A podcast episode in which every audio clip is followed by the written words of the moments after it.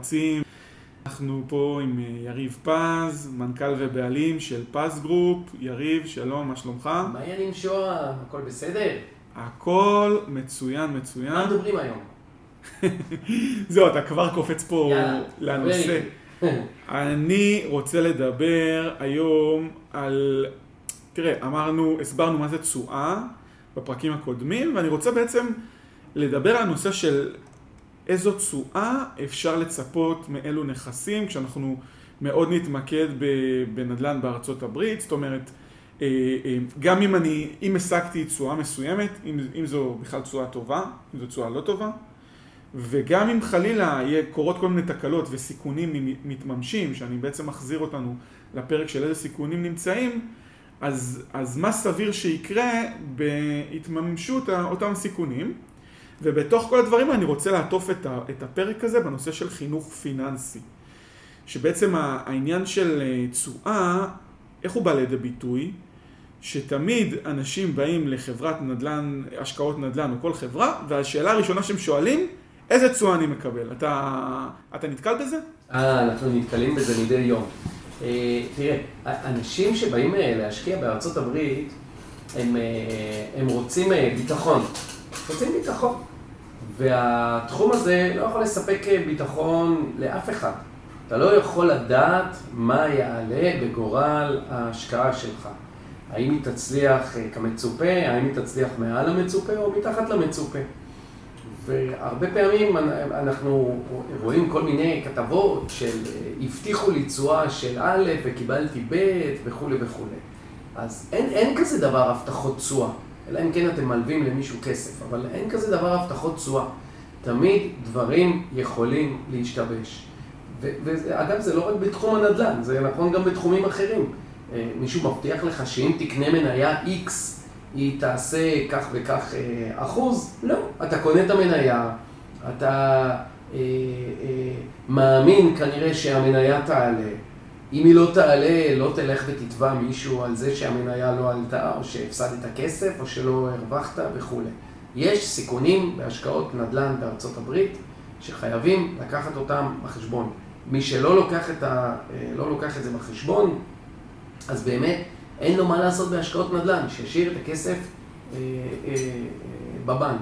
אגב, גם אם תקנה דירה בטבריה, יכול להיות סתימה, שווי הנכס יכול לרדת, יכול להיות מצב שחודשיים לא יהיה דייר, יכול להיות שיהיה דייר והוא לא ישלם, יכול להיות שהוא גם יהרוס את הבית, יכולים לקרות אלף ואחד דברים.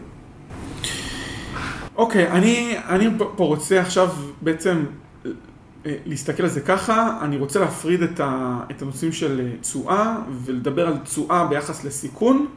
בעצם אנחנו, שזה בעצם, ה, ה, ה, אני חושב שהבסיס לחינוך פיננסי, שאם אני עכשיו משקיע בפיקדון בבנק, אני מצפה בעידן של ריבית אפס לקבל בעצם תשואה שהיא די אפסית. אפס.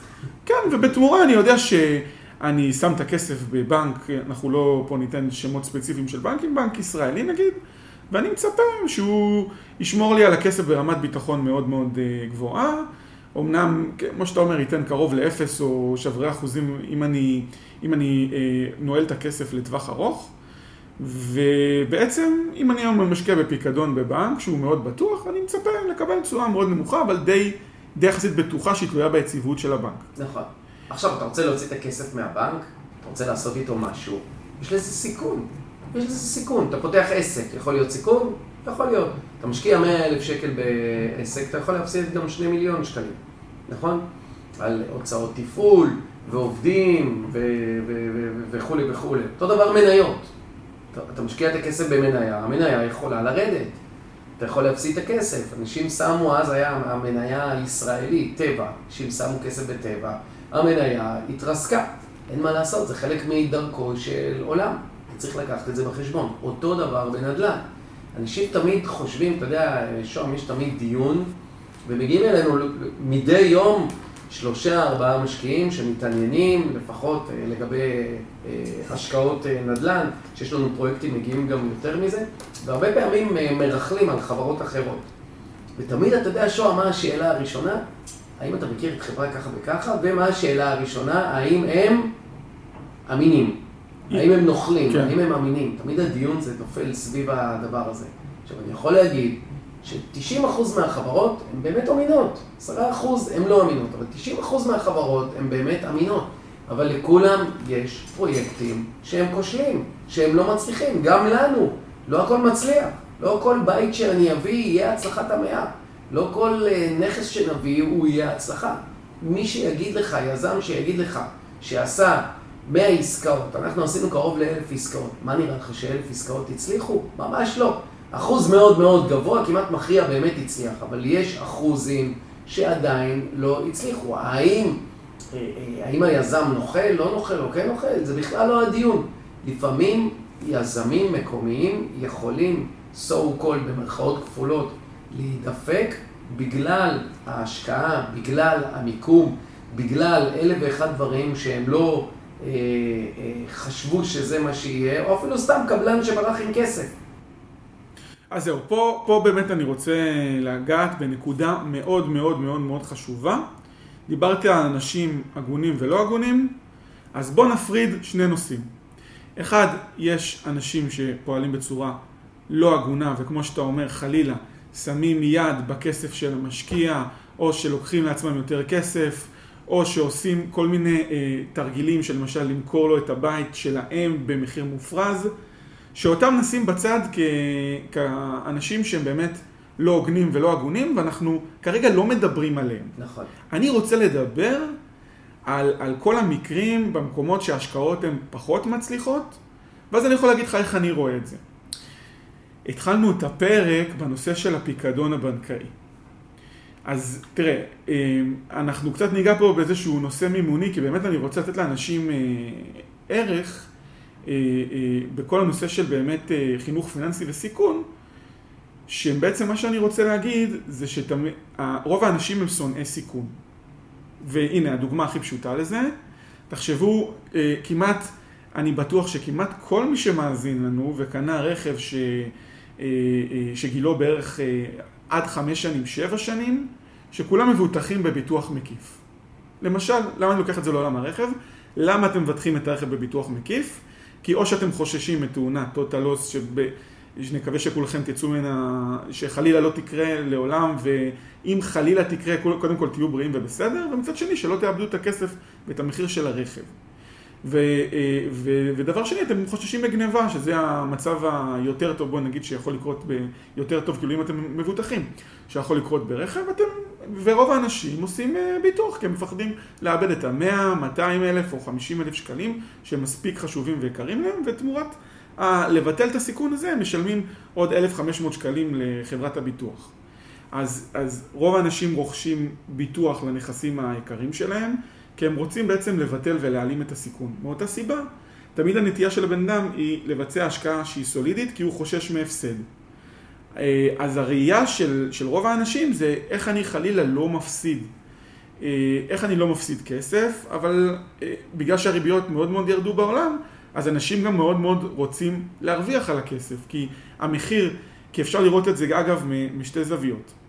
זה שהכסף שלי בבנק, נכון, אני אעשה אולי את התשואה של השברירי האחוזים, אבל מצד שני, אם אני מסתכל בצורה רציונלית על השיקול של, של הפסד, אז זה שנגיד לא עשיתי תשואה של, בוא נגיד, אני רק נותן כדוגמה, בין 8 ל-10 אחוז באיזושהי השקעת נדל"ן מעבר לים, אז אני גם בעצם יכול להסתכל על זה שלא הרווחתי את התשואה הזאת כסוג של הפסד. אז, אז אחרי כל ההקדמה הזאת, מה שאני רוצה לשאול אותך, אוקיי, במידה, ב, קודם כל, מה פחות או יותר התשואות הסבירות לנדל"ן בארצות הברית במדינות שהן, בוא נגיד, לא ניו יורק והן לא פריים פריים לוקיישן?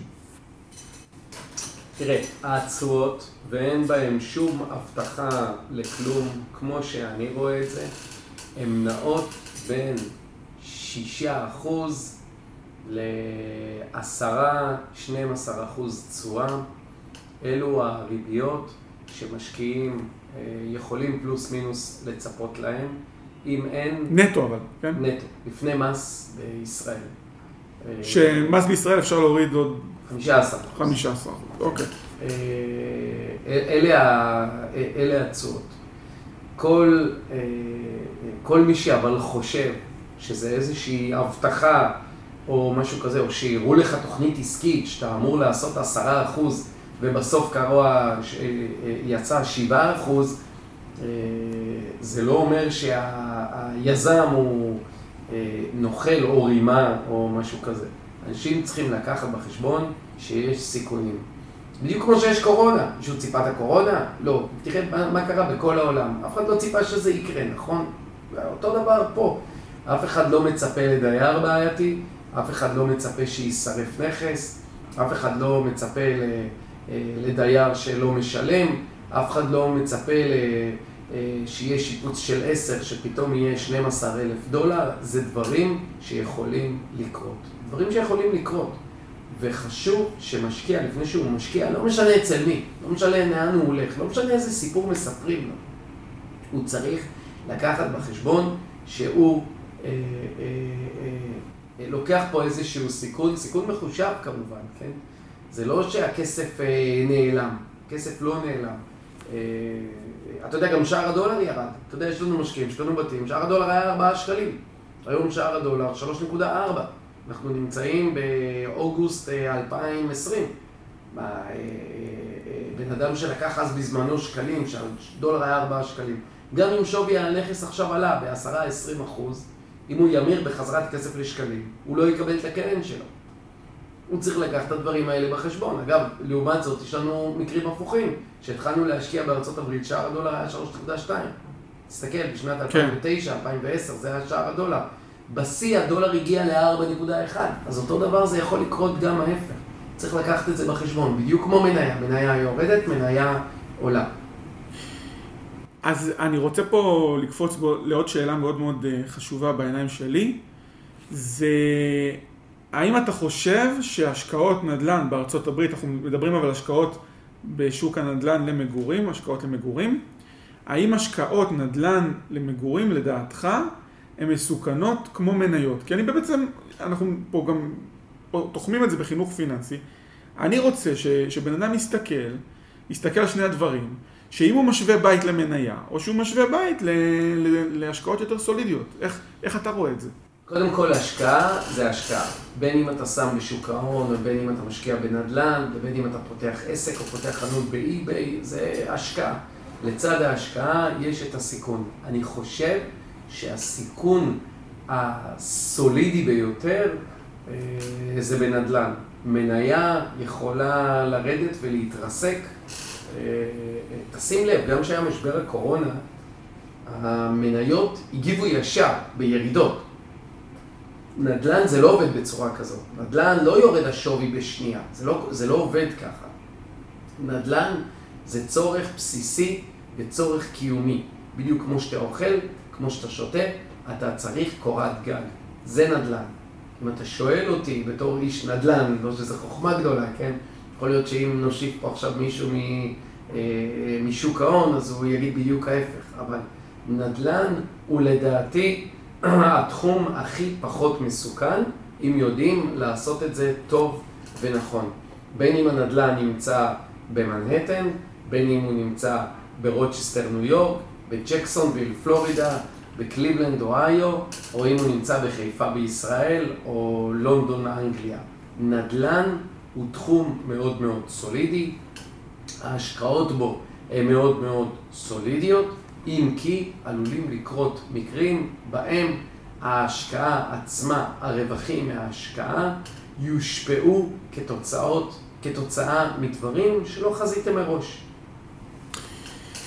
אוקיי, okay, אני חושב שזה פחות או יותר ענה לי על השאלה אם נדל"ן יותר מסוכן או פחות מסוכן.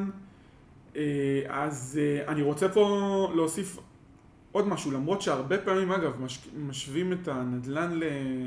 למניות, זה אני חייב להגיד לך. אז אני רוצה להתייחס פה לשני דברים. אחד, אני רוצה טיפה לחזור למשבר של 2008 ולהזכיר נגיד שב-2008 היה מצב אפילו של בתים ושכונות שהם ננטשו, מרוב שהבתים שם לא היו שווים כלום. ולמה בעצם אני מספר את זה? כי כשאני בא להשוות נדל"ן למניות, אני מסתכל על זה ככה. נכון שאתה לא, שאתה לא משקיע, כי בואו נסתכל, אם אני משווה בית למניה ספציפית, אז בראייה שלי, אתה תמיד, כשאתה מדבר על אה, מניה ספציפית אז, ואתה משקיע בחברה למעשה, אז החברה יכולה להיסגר ולפשוט רגל. ובנדל"ן, הסיכוי שאני אפסיד את כל ערך הבית, אלא אם עבדו עליי והבית לא רשום על שמי, או שהבית ב, במצב אה, אה, אה, גרוע והולך להתמוטט ונשאר עם הקרקע והוצאות, או לא יודע מה, הסיכוי שאני אפסיד את כל הבית אם עשיתי בדיקות מאוד יסודיות, הוא, הוא מאוד נמוך. לעומת מניה שיכולה לפשוט רגל ולהסתגר בכל מיני תרחישים. אתה גם רואה את זה ככה? ברור, תראה, חברות אה, נמחקו פה, לא חסר פה אה, חברות שהשווי שלהם אה, ירד וזה בעצם פגע בכל האקוויטי, בהשקעה עצמה. בנדל"ן היתרון הגדול, שאתה מרוויח בעצם, אתה יכול להרוויח שלוש פעמים בהשקעה נדל"ן בארצות הברית. א', אתה משקיע על שער דולר, ואז אתה מרוויח מתנודות הדולר במידה והדולר עולה. אם הוא יורד, כמובן, אתה לא ממיר את הכסף לשקלים. אבל אם הנדלן עולה, אם הדולר עולה ואתה מוכר את הנכס, אתה יכול להמיר את זה לשקלים וכבר הרווחת רק על שער הדולר. אופציה נוספת זה להרוויח משכירות, זאת אומרת מדי חודש או מדי רבעון, תלוי מתי אתה אה, מבקש אה, לקחת את הכסף. והאופציה השלישית זה בעצם למכור ברווח. בו בזמן שבמניה, כל עוד לא מדובר בריט, אה, שמחלקת אה, דיבידנדים, אז אתה בעצם מרוויח על אה, עליות שווי המניה ותו לא, ואתה גם צריך להתעסק בזה. לקנות, יש לי חבר שהוא מתעסק בשוק ההון, אז הוא קונה מניה, מוכר מניה, קונה מניה, קורא, בגלובס, קורא בדה מרקר, קורא בביספורטל, מה להשקיע, לא להשקיע, הוא פשוט עובד בזה, הוא מתעסק בזה. פה בבית זה הכנסה פסיבית ברוב המקרים. אלא אם כן קרו איזה מקרים חריגים שצריך לקחת את זה בחשבון ולהתנהל מול חברת ניהול. אבל בגדול זו הכנסה פסיבית. אתה לא צריך לקנות בית, למכור בית, לקנות בית, למכור בית, הכל לעשות באותו רגע, אלא אם כן אתם עושים אה, פליפים. ואוקיי, אני רוצה עוד פעם לחזור לנושא של התשואות. אז אוקיי, נניח אה, בן אדם, בואו נפריד את זה לבן אדם קנה בית, או בן אדם קנה, השקיע בפרויקט קבוצתי שלכל אחד מהם יש, יש סיכונים שונים. אז אה, אני זוכר, בבית של, בנושא של הסיכונים, אה, בפרק של הסיכונים הזכרנו פחות או יותר אה, אה, אה, מה קורה אם סיכון מתממש וקצת נגענו על זה בקצה המזלג. אז אני רוצה בעצם לדבר מה קורה אם סיכון מתממש למישהו שקנה בית בארצות הברית, למשל בקליבלנד. זאת אומרת, כמה הוא יכול להיפגע מהתשואה וכמה זה גם תלוי בעצם בניהול של הנכס, אם אתה יכול להתייחס לזה. קודם כל התשואה יכולה להיות אפסית וגם שלילית. בסדר? גם אם הציגו לו תוכנית עסקית של 9-10 אחוז, התשואה יכולה להיות אפסית ושלילית. אתן לך דוגמה. כן. הבית יכול לעמוד ריק חודש-חודשיים. כן, אה, לא מוצא סוחר, כן? כן, יכול לקרות גם בארץ, נכון? אה, יש לי דירה בחיפה, לקח לי בערך חודש וחצי גם להשכיר אותה, זה משהו שקורה. מנגד יצא דייר אחרי זה, ואז היה אחרי שבוע, אבל יכול להיות מצב שבו אה, הנכס יעמוד אה, ריק למשך איזה חודש, והתשואה היא תהיה באותו זמן אפסית, אפילו שלילית. למה? כי בעל הנכס צריך לשלם ארנונה, הוא צריך לשלם אה, ביטוח על הנכס, אז התשואה יכולה להיות אפסית ושלילית. א', ב', יכול להיות בהחלט מצב שדייר משלם שכירות לאורך שלושה, ארבעה, חמישה חודשים. ופתאום אה, פוטר ממקום העבודה, הפסיק אה, לשלם, היו צריכים לעשות לו eviction, הוא קיבל עצבים שעושים לו eviction, והוא עשה איזשהו נזק אה, בבית. שוב, אנחנו מדברים על מקרה קיצון. ואז, לא רק זה שלא קיבלתם שכירות במשך שלושה, ארבעה חודשים, שהוא, לא שלושה חודשים, אבל חודשיים, שלושה שהוא לא שילם אה, את השכירות, גם עכשיו צריך לעשות rent ready. צריך לצבוע את הבית, צריך לסדר את הבית, צריך לשים כסף בתוך הבית כדי להשכיר אותו שוב פעם. זה משהו שהוא יכול להיות מאוד מתסכל משקיע, אבל משקיע צריך לקחת את זה בחשבון. זה יכול לקרות בכל דבר. עכשיו, אני לא אגיד שזה קורה בכל בית, אחרת אין לנו מה, מה להשקיע. אבל יכול להיות שזה יהיה בשני בתים מתוך מאה בתים, ודאי אחד אתה משקיע עם שני הבתים האלה, או אחד המשקיעים עם, ה, עם אחד הבתים האלה. זה דברים שצריך לקחת בחשבון. השקעת נדל"ן זה השקעה שאתה לא בוחן אותה לא לחודש, בניגוד לשוק ההון. לא לחודש ולא לחצי שנה. השקעת נדל"ן זה משהו שאתה בוחן אותה לאורך שנים. אז קודם כל, הלוואי שאחד מ... סליחה, ששני בתים מתוך מאה יקרו התקלות האלה, שזה, אם אתה מסתכל על זה באחוזים, זה שני אחוזים, זה, זה כמעט כלום, זה, זה טעות, ש... טווח סטייה שהוא בגדר הנורמלי. כן, ו... אבל אתה יודע, אתה יכול להיות על שני האחוזים האלה, ואז אתה יכול לבוא ולהגיד, עבדו עליי. אוקיי. רימו אותי, היזם, היזם נוכל. אה, אוקיי? קודם כל... זמן שזה 98 בתים עבדו מצוין. אתה יודע, היו פה אה, חברות מאוד מאוד אה, גדולות, הן עדיין קיימות, אני לא רוצה לומר את שמם. אתה יודע, שיצא להם שם באמת, באמת, באמת לא טוב בתור חברה שהם נוכלים ורמאים וכולי וכולי. שלחברה הזאת נניח היו 200 פרויקטים, ואולי 170 פרויקטים מתוך ה-200 באמת הצליחו ועשו כסף למשקיעים, ו-30 פרויקטים מתוך ה-200 לא הצליחו. עכשיו, אני לא מדבר האם זה אחוז טוב, אחוז גבוה או אחוז נמוך, אבל לכל חברה, בין אם היא, בין אם היא מתעסקת ביזמות של פרויקטים מאוד מאוד גדולים, לבין אם, אה, לבין אם לא, יש את הפרויקטים של הנפילות האלה, שהם לא מצליחים. אותו דבר זה גם בבתים. יכולים להיות בתים שהם לא יצליחו. היתרון בבתים נניח, שמהר מאוד אפשר לתקן את הבית, לשפץ אותו ולהחזיר אותו בחזרה למסלול עם דייר חדש. אני חושב שהבעיה... אם קניתם טוב, באזור טוב, כן? לא באזור שהוא בעייתי, שימגנט שוב דייר בעייתי, והמקרה הזה יכול לשוב שוב ושוב. אני חושב שהבעיה מתחילה, אה, אנחנו בעצם התחלנו, אה, אני כל פעם חוזר לתשואה הבנקאית, כי זה בעצם הבסיס וה... והמקום שממנו כולם יוצאים, זה, זה הוויתור שלהם על הכסף בבנק.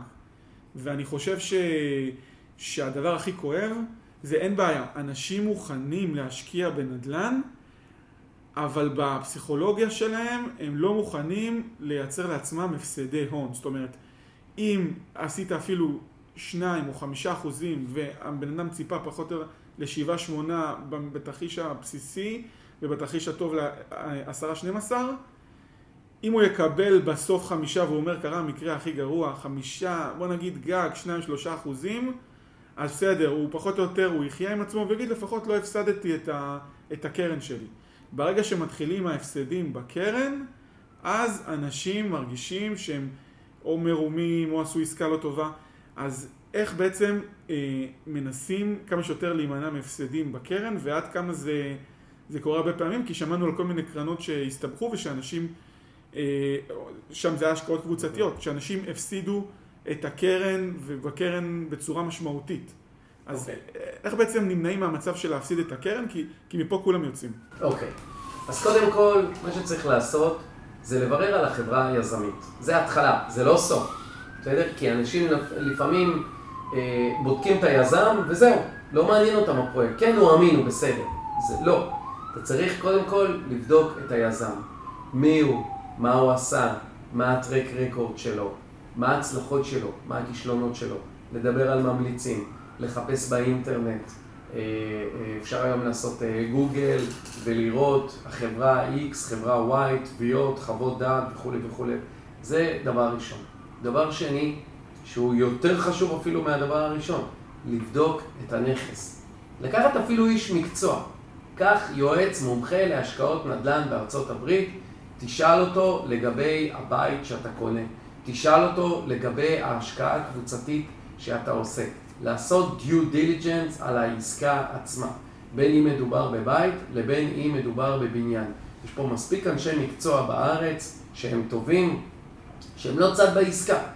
עשית עסקה דרך חברה X, עסקה יזמית, עסקת בית או לא משנה מה, אפשר לדעת האם העסקה הזאת טובה או לא טובה, אי אפשר לדעת במאה אחוז, בסדר? זה כמו שאתה עושה ביטוח. אתה, אתה לא יודע במאה אחוז אם, אם תממש את הביטוח או לא תממש את הביטוח, אוקיי? נכון. אבל, אבל אם תיקח איש מקצוע טוב, אה, אה, אה, שבודק את העסקה והוא יבדוק את העסקה, שהוא ייתן לך עוד איזושהי חוות דעת מקצועית, חוות דעת מקצועית, שזה משהו שאתה חייב לקבל. קח, תשים עוד אלף, עוד אלפיים דולר, תגיד לו, תקשיב, הנה, אני הולך להיכנס להשקעה נדל"נית קבוצתית, בית, שים עוד אלף, אלפיים דולר שמישהו יבחן את ההשקעה הזאת, אבל מישהו אובייקטיבי. כן. אוקיי? כן. כדי שתדע. עולם הנדל"ן בארצות הברית הוא מאוד שקוף, אפשר לדעת את הכל. תשים את כתובת הנכס בגוגל, אפשר לדעת דרך זה מי האנשים שגרים באזור, מה אחוז פשיעה, מה אחוז אבטלה, מה אחוז האנשים שעובדים, כמה הם מרוויחים, החתך הסוציו-אקונומי. אפשר לדעת את כל הדברים האלה. אוקיי, ו, ובמקרה ש, שהתממש איזשהו סיכון, אם, אם בחרתי טוב, בחרתי טוב את החברה היזמית, בחרתי את ה... אז איך, איך בעצם אני מבטח את עצמי מראש בעסקה, כדי שאם הסיכון מתממש, אז שאני לא אחטוף חזק. למשל, לקנות את הבית מתחת למחיר השוק. לוודא עם חברת הניהול שהיא בחרה סוחר, נגיד גם במיוחד בתקופה הזאת, סוחר, שהוא, אה, אה, יש לו איזושהי עבודה בטוחה. כי אני רוצה ללכת לישון בשקט. זאת אומרת, ואם חלילה כל, איזשהו סיכון יתממש ב, בכל ההנחות המחמירות האלה שלקחתי בסוג של יצרתי לעצמי ביטוח, כמה אני, אם, אם נגיד ציפיתי לעשרה אחוזים, כמה אני יכול להיפגע בתשואה. אוקיי, okay, אז קודם כל, הלוקיישן זה הדבר הכי חשוב שיש. אוקיי, okay, אם אתה קונה בית, הלוקיישן זה הדבר הכי חשוב שיש. לראות שאתה קונה באזור שיש בו חיים במחיר שיש בו, אה, שהוא עושה שכל. בסדר? אם קנית בית ששווה 100, קנית אותו ב-70, כבר גידרת את הסיכון. שאם תצטרך למכור יום אחד את ההשקעה שלך, אתה כבר אה, תראה ואפילו גם יותר מזה. זה דבר אחד. דבר שני, לוודא שאתה עובד עם האנשי מקצוע הנכונים. לוודא שמי שאחראי על הנכס, יהיה אחראי על הנכס. צריך לעשות ביטוח, תעשה ביטוח. אתה יודע, לפני כמה זמן אה, אה, קיבלתי אס.אם.אס מאחד המשקיעים שלי, שאומר לי, תשמע, אני מכיר איזה מישהו, הוא בן 80, בקושי לא, לא הכי אה, אה, מתקשר וגם לא יודע כל כך אנגלית. אתה מוכן להביא לו בית? התשובה היא לא. לא, לא מוכן להביא לו בית. למה? כי יכול להיות בהחלט מצב שידברו איתו מחברת הניהול, הוא לא יבין כלום, הוא לא ידע זה, הוא לא מבין כל כך במחשבים. איך אפשר לנהל ככה בית? אתה לא יכול. זה מועד לסיכון. אתה, אתה הולך להשקיע בארצות הברית, אתה קונה בית, דבר ראשון, תדע אנגלית. תתפלא כמה אנשים מגיעים, לצערי, גם אלינו. הגיעו אנשים שהם לא יודעים אנגלית, בדיעבד הם לא יודעים אנגלית. הם לא ידעו מה חברת הניהול רוצה מהם בכלל. ויכולה להיות בעיה קטנה, אתה יודע, בעיה קטנה בארצות הברית, שלא מטפלים בה, היא הולכת ונהיית גדולה יותר. למה? כי עירייה נכנסת לסיפור, אה, אה, אה, חברת הניהול כבר מאבדת עניין כי היא מתקשרת עם מישהו שבעצם לא עונה, זה מכניס אותם לתסכול, אז הם לא מטפלים בבעיה, והיא הולכת והיא מחמירה, ואם הדייר ממורמר, הוא יהיה ממורמר יותר כי הוא לא מקבל תשובה, ואז הוא פונה לעירייה, העירייה מגיעה, בודק את הנכס, ואומר רגע רגע, אל תפתרו רק את א', ב', ג', צריך גם לתקן את ד', ה', ו' וז'. ואז פתאום תיקון של אה, מאות דולרים יכול להיות אלפי דולרים, כי אף אחד לא מתקשר, כי אף אחד לא יודע אנגלית. אף אחד לא יודע להתנהל מול חברת הניהול. אם אתם, לא, אם אתם קונים בית, אתם צריכים לקחת בחשבון שצריך להתנהל מול חברת הניהול. זה לא אומר שצריך לעזוב את העבודה. זה לא אומר עכשיו שעכשיו צריך לעבוד, להחתים כרטיס בבוקר, שמונה בבוקר, עד עכשיו חמש אחר הצהריים בניהול הבית. ממש לא. אבל להיות ערני לדברים האלה. אתם לא יכולים להיות ערניים לדברים האלה? קחו מישהו לידכם, את הבן, את הדוד, את האח, את השכן. חבר שיהיה שותף או איזה משהו כזה, שינהל את ההשקעה עבורכם. זה א', ב', לגבי בניין, אתם נכנסים להשקעה, יש פה הרבה חברות שעושות אה, קבוצות וכולי וכולי, תבינו לאן אתם נכנסים, תבינו מה ההשקעה, תבינו מה הסיכונים. קחו עורך דין מטעמכם שיקרא את החוזה, שיבין את החוזה, מה החוזה הזה אומר. האם החוזה הזה אומר שאתם יכולים לאבד את הכסף ואין אחריות ליזם? איפה יש סעיף בוררות? אתה יודע, הרבה חברות מה הן עושות? הן אומרות, אם יש לך בעיה עם היזם, הבוררות תהיה בארצות הברית. למה הן עושות את זה ככה? כי הן יודעות שהמשקיעים לא ילכו לבוררות בארצות הברית. לכן, עדיף, אצלנו נניח, הבוררות היא נמצאת בישראל. זאת אומרת שאם אני כשלתי, לא, לא אם ההשקעה לא הצליחה. כן. זאת אומרת שאם לא ניהלתי את הנכס כמו שצריך, אה, אה, עשיתי משהו שאסור היה לי לעשות, הבוררות תהיה בישראל, פה בתל אביב. לא צריך לנסוע עכשיו להונולולו, או לשיקגו, או לקליבלנד. שזאת נקודה מאוד מאוד חשובה. מאוד חשוב. אם אתם משקיעים בנדל"ן בארצות הברית, וברור שנדל"ן ישראלי, הבוררות בישראל, אה, שהבוררות תהיה בישראל תמיד. שתמיד, okay. אוקיי. אם החברה בישראל, הבוררות בישראל. אוקיי. אם השקעתם בחברה... בארצות הברית. אתה יודע, יש פה דבר נוסף שהרבה ישראלים לא יודעים. חברות יזמיות, שהן אה, אה, אה, משקיעות בארצות הברית, יש להם את המסלול היזמי, ויש להם את המסלול המימוני. מה זה המסלול המימוני? המסלול המימוני בא ואומר, היזם עצמו לוקח מהם בעצם הלוואה, הוא הופך אותם לסוג של בנק.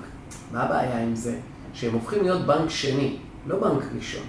זאת אומרת שהם, כל עוד הכל עובד והם מקבלים את הצ'קים מהיזם, אז הכל טוב. אבל ברגע שהפרויקט לא מצליח, גם המשקיעים האלה מאבדים את הכסף. למה? כי אם הפרויקט לא עובד, מי שעיכל את הנכס זה הבנק. יש לכם הערת אזהרה מדרגה שנייה, אין לזה בכלל חשיבות. זה כמו שעכשיו אתה, אני אקח נכס בישראל ויקבל 700 אלף שקל מהבנק והנכס שווה מיליון. עכשיו אני אומר לך, תשמע שוהם, בוא תלווה לי כסף ואתן לך הערת אזהרה מדרגה שנייה. בסדר? אז מראש אה, אתה נוגע פה... הבנק יעקל עוד לפניך. ברור, אתה נוגע פה בנושא של ביטחונות. זאת אומרת, בדיוק. שאני משקיע בנדל"ן, ברמת החינוך הפיננסי, שאנשים יבינו שהדבר הכי הכי הכי הכי חשוב זה מה מידת החזקה המשפטית שלי בנכס. זאת אומרת, אם אני לא מחזיק ישירות בנכס, אני חייב לוודא שאני לא במקרה, באיזשהו מקרה אה, דרגה שנייה בנכס, זאת אומרת ש... שביני לבין הנכס יש עוד איזושהי ישות משפטית ש... שמרחיקה אותי מה... מאחיזה בנכס. נכון. שפוגעת לי בזכויות. נכון, בדיוק. אז זאת אומרת... אגב, הרבה משקיעים שואלים את זה, תגיד מה הביטחונות. אז הביטחונות קודם כל זה הנכס. אין משהו מעבר. אין. השאלה אבל כמה אני מחזיק בו, זאת אומרת, מה, מה האחיזה שלי בנכס? בהתאם להשקעה. כן. זאת אומרת שאם נניח אה, ההון העצמי לגיוס לפרויקט, אנחנו קצת אה, אה, מדברים גם על בתים וגם על פרויקטים, כי המשקיעים הישראלים אז פה אנחנו נציין שאנחנו מדברים עכשיו... אבל אם אתה קונה נניח בית, אתה צריך לראות שבקאונטי הבית רשום על שמך, תוך כמה ימים הבית רשום על שמך. זה בעצם הביטחונות שלך. בפרויקט, קודם כל צריך לראות שיש עורך דין נאמן. בסדר? שיש עורך דין, אתם לא מעבירים את הכסף ליזם שנעלם עם הכסף. יש עורך דין נאמן שהוא בודק את העסקה שעושים אה, אה, בדיקה על הנכס, שהנכס אין לו שיעבודים, אין עיקולים, אין חובות ואין כלום, ורק אז העורך דין הנאמן מעביר את הכסף לסגירה. האחוז שלכם נקבע בתור כמה השקעתם מתוך כמה. אם לצורך העניין הפרויקט עולה מיליון דולר, הבנק מביא 750 אלף דולר והיזם מגייס 250 אלף דולר והבאתם 25 אה, אלף דולר להשקעה, כנראה שאמור להיות לכם 10 אחוז מהפרויקט עצמו. אוקיי, okay, אז יריב פה באמת העלינו הרבה מאוד אה, נקודות חשובות, ובעיניים שלי אחת הנקודות באמת הכי חשובות שאתה העלית, ואני בכלל לא העליתי אותן על דעתי, זה כל הנושא של הידע באנגלית שהוא חלק מחינוך פיננסי. זאת אומרת ש... שאם אתם לא תרחיבו את הידיעות שלכם באנגלית, וזה כולל גם אה, אה, כישורי שיחה שהם בסיסיים, וגם אה, הבנה, אני לא מדבר אפילו על הבנה, על, על הבנה של מונחים כלכליים שהיא מאוד מאוד חשובה. אם אתם רוצים חינוך פיננסי טוב, אתם חייבים לדעת אנגלית, אתם, וברמה שאתם יכולים לנהל שיחה במייל בסדר, לעיתים אה, כל מי שאני אישית לא נולדתי בארצות הברית, אני לא, אני לא יכול להגיד שיש לי אנגלית ברמת שפת אם, זאת אומרת, אה, אני יכול להגיד שהיא ברמת שפת אם, אבל לא שפת אם. אה, כל הנושא הזה של, ה, של ידיעת האנגלית, שהוא מאוד מאוד חשוב, ובהמשך לאנגלית, הידיעה של המונחים. הדבר הנוסף הוא, הוא, הוא להבין את, ה, את כל הנושא של התשואה ביחס לסיכון. ובתוך זה להבין אה, אם אני מבצע השקעה מסוימת, שאני אוכל אה, בזכות החינוך הפיננסי שלי להבין כל מיני דברים בסיסיים שאם משהו קורה אני יכול לסווג, אני יכול לסווג את מי שנתן לי את ההשקעה, האם הוא כשל והיה לא בסדר, או האם, או האם זה איזשהו מצב טבע כמו למשל קורונה שקרה ו, ופגע בי ו... וזה מה שנקרא כוח עליון. מה... אתה, אתה חושב, יריב, שפחות או יותר סיכמתי את, ה, את הנקודות החשובות? יש לך עוד איזושהי אה, נקודה לסיום אה, להעיר? כן, חשוב רק אה, להדגיש שזה לא חייב להיות כוח עליון. לא חייב. זה לא חייב להיות קורונה כדי שכולם יבינו שיש בעיה. זה יכול להיות עוד אה, דברים אה, נוספים שאמרנו. כן, זה יכול להיות... אה, אה, אה, אה, תיקונים, אתה יודע, יש לנו אה, אה, משקיע, הנה סיפור, אה, סיפור אמיתי, זה קורה, מי שאומר לו שאצלו זה לא קורה, אז הוא סתם אומר. יש לנו משקיעה שקנתה בית באיזשהו אזור, שהעירייה, יש כזה דבר באזור קליבלנד, זה נקרא point of sale. מה זה point of sale? point of sale זה שמישהו בא לקנות בית, ומישהו קונה את אותו בית ומוכר את אותו בית, באה העירייה לבדוק שהבית במצב תקין. זה, זה, ואז הם אומרים, צריך לסדר בבית את א', ב' וג' וד'. ועכשיו או הקונה או המוכר, סמוך לקנייה, מתקנים את זה. בדרך כלל הקונה מסדר את זה. יש עירייה מאוד ספציפית, לינדרסט, שזה זה, זה, זה, זה 20 דקות נסיעה בערך מקליבלנד, שהיא החליטה בשנה האחרונה לעבור ככה שרירותית בין הבתים, כן. ולהעיר הערות, כמו מסדר מב"ס כזה. כן, עוברים... מחזיר אותי לצבא. כן, תסדר פה, תסדר פה ותסדר פה. מישהו ציפה שזה יקרה? לא. כוח עליון? לא. אפשר לבוא ליזם בטענות? לא. אי אפשר לבוא בזה, כי זה לא היה. הם החליטו פשוט שרירותית בזה, והיא קיבלה באמת כמה דברים שצריך לסדר א', ב', ג', ד' וה', והיא צריכה לסדר את זה. ומה לעשות? זה עלה 4,000 דולר. אוקיי, אז אין מה לעשות, זה דברים שצריכים לקחת אותם בחשבון. אז הרבה פעמים אנחנו כיזמים גם יודעים לקחת אחריות. לבוא ולהגיד, אוקיי, יאללה, לא ציפינו, גם לא כשלנו. אז בואו, אולי אפשר לעזור בכך וכך וכך, או בלהוזיל את ה-4,000 דולר, להוזיל ב-3,000 דולר, לדבר עם האנשי מקצוע שם, לנסות להוזיל, או אפילו בהשתתפות עצמית שהיא שלנו. אבל זה דברים שהמשקיע צריך לקחת בחשבון ולא להתבאס מהם, אין מה לעשות. גם המניה אה, אה, יורדת, אתה לא מוציא תביעה אה, לטבע או לחברה אחרת על זה שהמניה ירדה. אז אותו דבר פה. המשקיעים צריכים לקחת שיש סיכונים, ואם יש סיכונים זה דברים שהם קורים. אם הם לא מוכנים לאבד ולו שקל מכספם, או הוצגה להם תוכנית עסקית של 9%, ואם הם יעשו 8% או 0, הם לא יהיו מוכנים לשמוע מזה, כנראה הם לא צריכים להשקיע בנדל"ן, לא בארצות הברית, אגב גם לא בישראל. אז אני רוצה ממש ממש לסכם סופית, ברמת החינוך הפיננסי, מה שאנחנו באים להגיד, זה מי שלוקח סיכון, צריך גם לדעת במחשבה שלו, שייתכן שהסיכון הזה יתממש. וסיכונים לפעמים מטבעם להתממש. ואתם צריכים לשאול את עצמכם, לפני שאתם עושים השקעה, אם במידה והסיכון אה, מתממש, האם אני יושן טוב בלילה, האם אני לא יושן טוב בלילה, איך אני ניגש ליזם ומנסה לפתור את, הסיפ... את העניין. בדיוק. שזה הכי חשוב דרך אגב, הניהול של זה, הניהול של הסיכון. צריך לדעת לא, לא להיכנס ללחץ ולא כלום, ולנהל את הסיכון הזה עם, עם מינימום נזק. מצוין. אז יריב, המון המון תודה על פרק מאוד uh, מעניין. דיברנו על תשואה, חינוך פיננסי.